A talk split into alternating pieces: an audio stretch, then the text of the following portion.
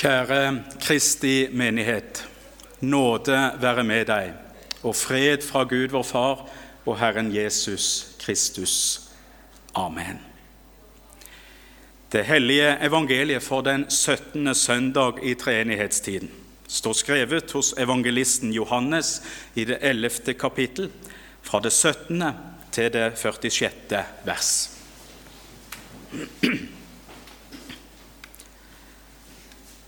Da nå Jesus kom frem, fant han at Lasarus allerede hadde ligget fire dager i graven.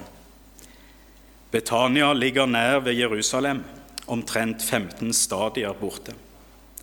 Og mange av jødene var kommet til Martha og Maria for å trøste dem i sorgen over deres bror. Da Martha nå fikk høre at Jesus kom, gikk hun for å møte ham. Men Maria satt hjemme i huset. Martha sa da til Jesus, 'Herre, hadde du vært her, da var min bror ikke død.' Men også nå vet jeg at alt det du ber Gud om, vil Gud gi deg. Jesus sier til henne, 'Din bror skal stå opp.' Martha sier til ham, 'Jeg vet at han skal stå opp i oppstandelsen på den siste dag.' Jesus sa til henne, 'Jeg er oppstandelsen og livet. Den som tror på meg, skal leve om han enn dør.'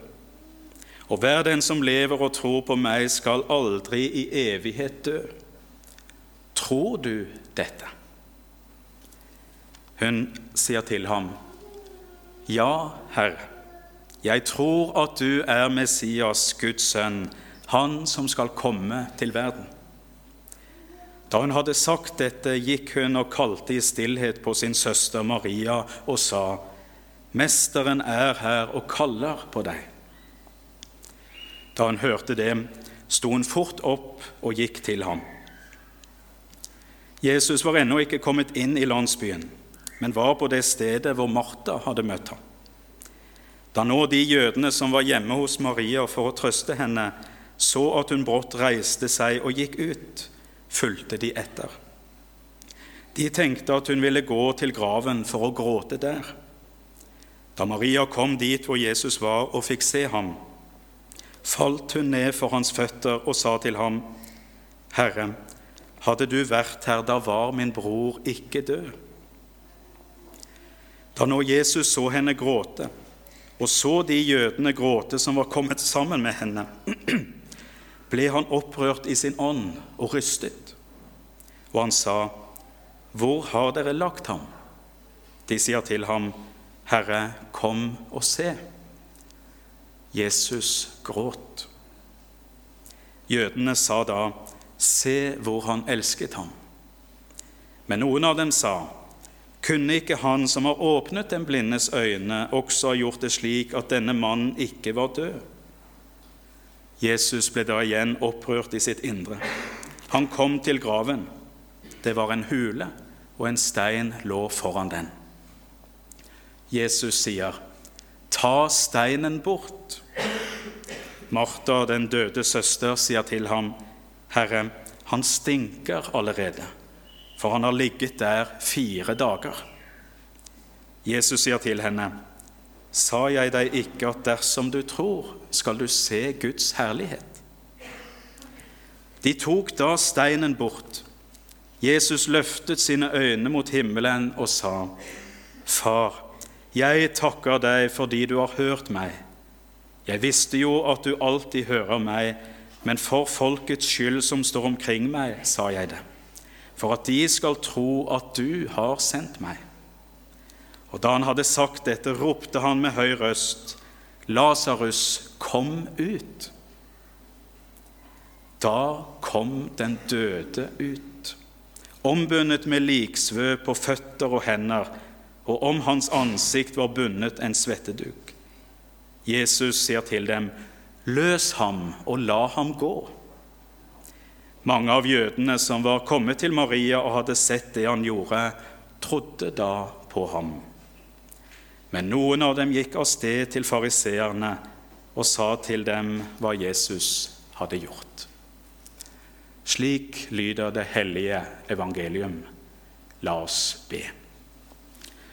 Hellige Far, dette var ordet ditt til oss.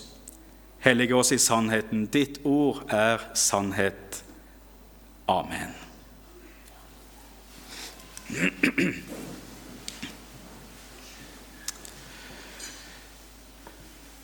Det er haust. Det rusker ute med regn og kalde vind. Småfuglen flyg mot rute og ville gjerne inn. Slik begynner et dikt av min sambygding Arne Garborg. Nå ble jeg ikke så hjulpet av eh, dramaturgien ute akkurat nå. Nå er det jo lyst. Men det kommer tidsnok, kjære venner. Kalenderbladet det viser at vi er kommet til høsten. Det blir kaldere, det blir blautere, og det blir mørkere. Blommene visner, trærne mister sine blader. Det er blitt høst. Vi blir minnet om livets forgjengelighet gjennom naturen som sakte, men sikkert maler dette fram for oss. Men her ved starten av årssyklusens eige memento mori så stiger vårens lovsangstoner opp fra Guds folks lepper. Deg være ære, Herre over dødens makt. Evig skal døden være Kristus underlagt. Denne søndagen som vi er samla til gudstjeneste på i dag, den blir kalla for høstens påskedag. Mens det blir kaldere, blaudere og mørkere, så samles vi til fest i Guds hus. For å lytte til Han som i dag sier til Martha, 'Jeg er oppstandelsen og livet'. Den som tror på meg, skal leve om han enn dør. Og hver den som lever og tror på meg, skal aldri i evighet dø. Dagens evangelium det tar oss med til Betania, en liten landsby ca. tre km øst for Jerusalem. I dag blir landsbyen kalla på arabisk for Al-Eitzaria, den arabiske formen for Lasarion, og vi aner hvor dette navnet kommer fra. Vi er i landsbyen der vennene til Jesus Lasarus, Martha og Maria bor. Den vesle familien, som er en av få familier som vi får bli litt kjent med i Det nye testamentet. Lasarus har vært syk, og nå er Lasarus død. Når Jesus kommer, har han allerede vært i graven i fire dager. En trodde den gang at etter fire dager var gått, da hadde sjelen forlatt den døde kroppen når forråtnelsen nå var i gang. Poenget er å si noe om at alt håp er ute. Lasarus er død. Høsten hadde nådd Lasarus sitt eget liv. Det var blitt kaldere, det var blitt mørkere der i Betania ja, det var blitt blautere. Sorgen og gråten rådde. Og vi kan kjenne oss igjen i de følelsene som rår i Betania. Døden er kjent for de fleste av oss. For døden har et fotfeste her i verden. Jeg husker en gang at en av lærerne mine på NLA han tok seg til sin grå manke, sånn som dette her, og så sa han, 'Vet dere hva dette er?' Det er døden. Døden som har festa sitt grep. Og der satt vi forskrekka studenter livredde. Men døden har et fast grep i denne verden. Er det én ting som er sikkert, så er det at vi alle en gang kommer til å møte døden. Mørket og døden er en del av våre livsvilkår i denne verden. Naturen kommer ikke unna det. Vi mennesker kommer ikke unna det. Og høsten minner oss om det livets forgjengelighet. døden som et ubehagelig faktum i våre liv. Syndens lønn er døden, forteller Skriften oss. Døden er og blir en konsekvens av syndefallet. Da mennesket ville bli sin egen lille Gud og tok livet i sine egne hender. Som Gud sa etter syndefallet, se, mennesket er blitt som en av oss til å kjenne godt og ondt. Bare han nå ikke strekker ut sin hånd og tar også av livets tre og eter og lever evig.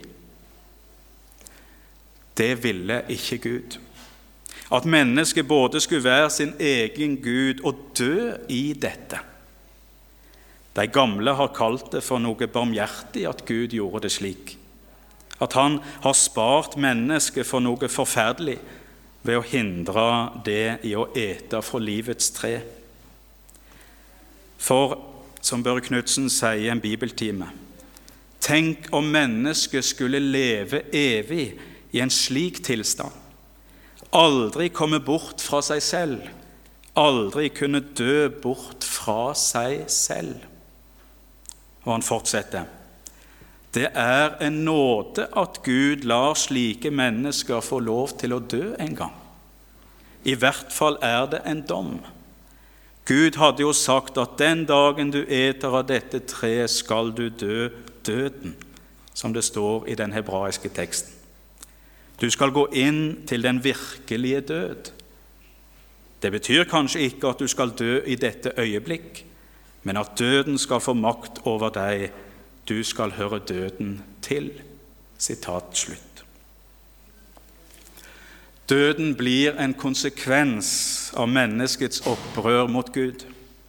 Synden kom inn i verden på grunn av ett menneske, og med synden kom døden. Og slik rammet døden alle mennesker fordi alle syndet, skriver Paulus i Romerbrevet. For vi er og blir syndere. Vi har ikke noe å stille opp med oss sjøl i møte med den hellige og levende Gud, og vi har heller ingenting å stille opp med i møte med døden. Midt i livet finnes vi, stett i dødens våde. Hvem er den som kan oss fri? Hvem kan gi oss nåde? synger Martin Luther. Mennesket er bundet. Vi er slaver under syndens og dødens kår. Og for det kan vi ikke sette oss sjøl fri. For loven har dømt meg og slått meg i hjel og lagt meg i graven med kropp og med sjel. Jeg selv er en skygge av det som ble skapt før livet gikk tapt. Lovens tunge steintavler forteller oss den dom vi står under. Mot den når vi ikke opp. I møte med den er vi syndere, dødsdømte, dødens barn. Men midt i dette faktum Midt i denne virkeligheten, midt i sorgen, midt i gråten, så er det at Jesus tar affære. Han er ikke urørt av sin venn Lasarus' død. I dagens preiketekst får vi høre Bibelens korteste vers. Jesus gråt. Ord som forteller oss om hans kjærleik og omsorg for sine. Ta steinen bort, sier Jesus. Martha, den døde søster, sier til ham, Herre, han stinker allerede, for han har ligget der fire dager. Det er det rasjonelle mennesket i oss som protesterer. Men det hindrer ikke Jesus. Han fortsetter med sitt verk, med sitt frelsesverk. Han ber til Gud før han sier, 'Lasarus, kom ut.' Og underet er et faktum. Den døde kommer gående ut. Det som ikke kan skje, det skjer. Ved Guds eget ord, skaperordet, ordet som gjør hva det taler. Og nå gjør det sitt igjen. som salmisten synger i Salme 33. For han talte, og det skjedde. Han bød, og det sto der. Kirkefaderen Augustin han kommenterer dagens evangelium slik.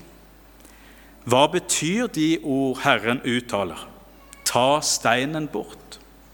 Jo, at vi skal forkynne nåde. Paulus hevder at den nye pakt ikke bygger på bokstav, men på ånd. For bokstaven slår i hjel, men ånden gjør levende. Ta steinen bort, befalte Jesus. Ta bort lovens byrde, forkynn nåden. De som er dømt til å dø, det er syndenes forlatelse som frir dem ut av dødens snarer. Hva ville det ha hjulpet Lasarus å komme ut av graven hvis ikke Jesus hadde tilføyet 'løs ham og la ham gå'? Herren overvant steinens tyngde, og Lasarus kom ut.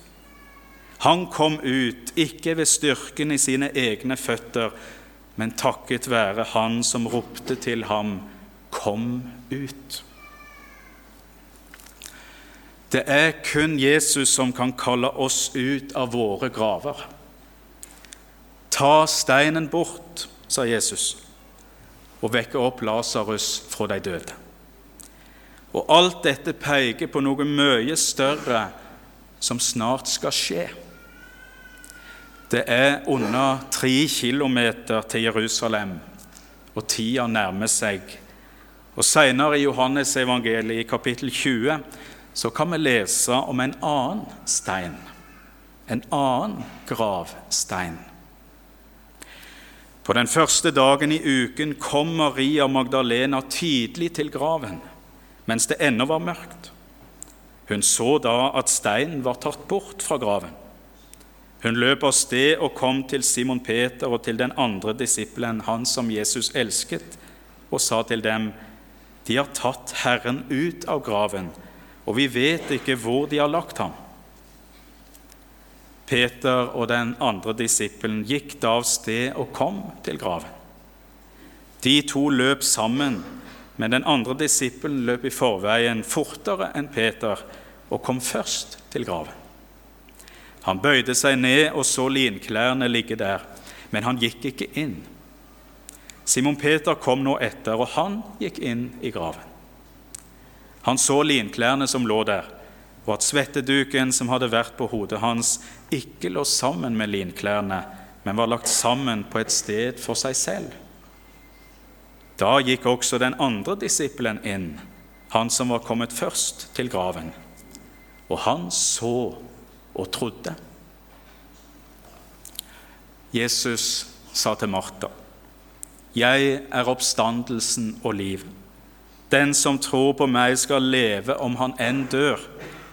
Og hver den som lever og tror på meg, skal aldri i evighet dø. Hun fikk en forsmak på dette da bror hennes fikk livet igjen. Men det er bare en forsmak. For dette er bare ei oppvekking fra de døde, og Lasarus må dø igjen. Men livet vant. Dets navn er Jesus, sang vi i hovedsalmen i dag. Det denne høstens påskedag, det dagens evangelium peker på, er Jesus' seier over døden. Jesus er ferdig med døden når han stiger ut av graven påskemorgen som Paulus skriver. For vi vet at etter at Kristus er reist opp fra de døde, dør han ikke mer. Døden har ikke lenger noen makt over ham. Han har seira over den siste fiende, og han har åpna døra inn til vår oppstandelse. Vi har fått et levende håp, ikke bare om å bli vekka fra døden, men om oppstandelse og evig seier over døden. Livet har nå fått det siste ordet. Døden er overvunnet. Døden har mista sin makt. Ja, livet kan være tøft og krevende, med blod, svette og tårer Og ett siste krampetrekk må vi gjennom når vi kommer til vår jordiske død. Men det er for å seire. Det er for å nå fram til det som blir kalla de levendes land, som vi bl.a. skal synge om i dåpssalmen vi skal synge snart. Av syndflodens vann står nydøpte opp til de levendes land. Han døptes til min død, jeg døpes til hans. Slik har han forvandlet min klage til dans.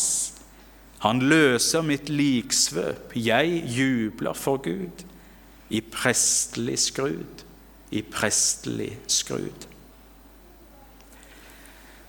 Høstens påskedag minner oss om det Jesus har gjort for oss. At han er oppstandelsen og livet, han som ofra seg for deg og for meg, og som lei den døden vi skulle ha lidd. Han som tok den straffa vi skulle hatt, og slik forvandla han våre nederlag til seier. Gråt til jubel, mørke til lys, høst til vår, død til liv.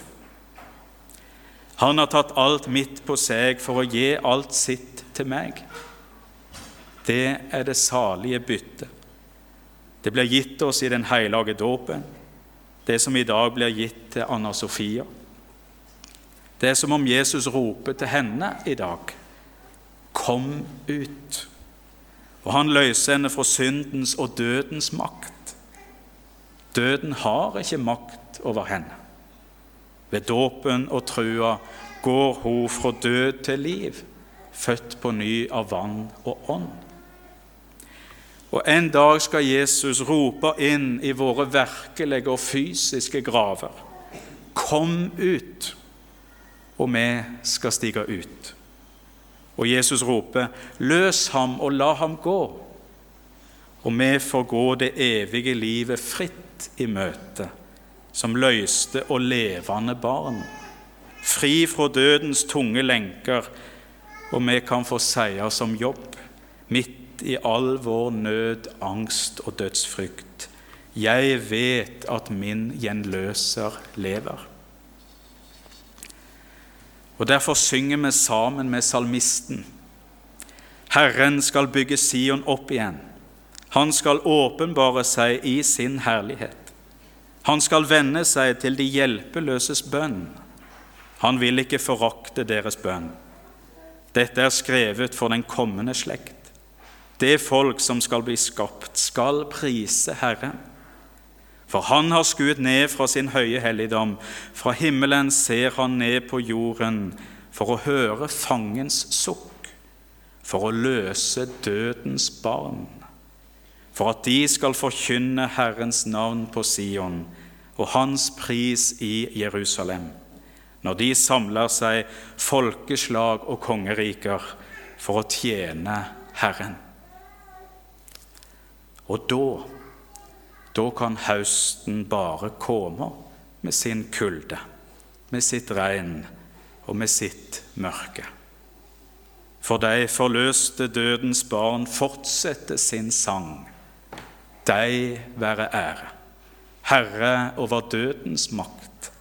Evig skal døden være Kristus underlagt. Til ære for Faderen og Sønnen og Den hellige ånd, som var, er og være skal, en sann Gud fra evighet og til evighet. Amen. Og da synger vi i lag på nummer 98.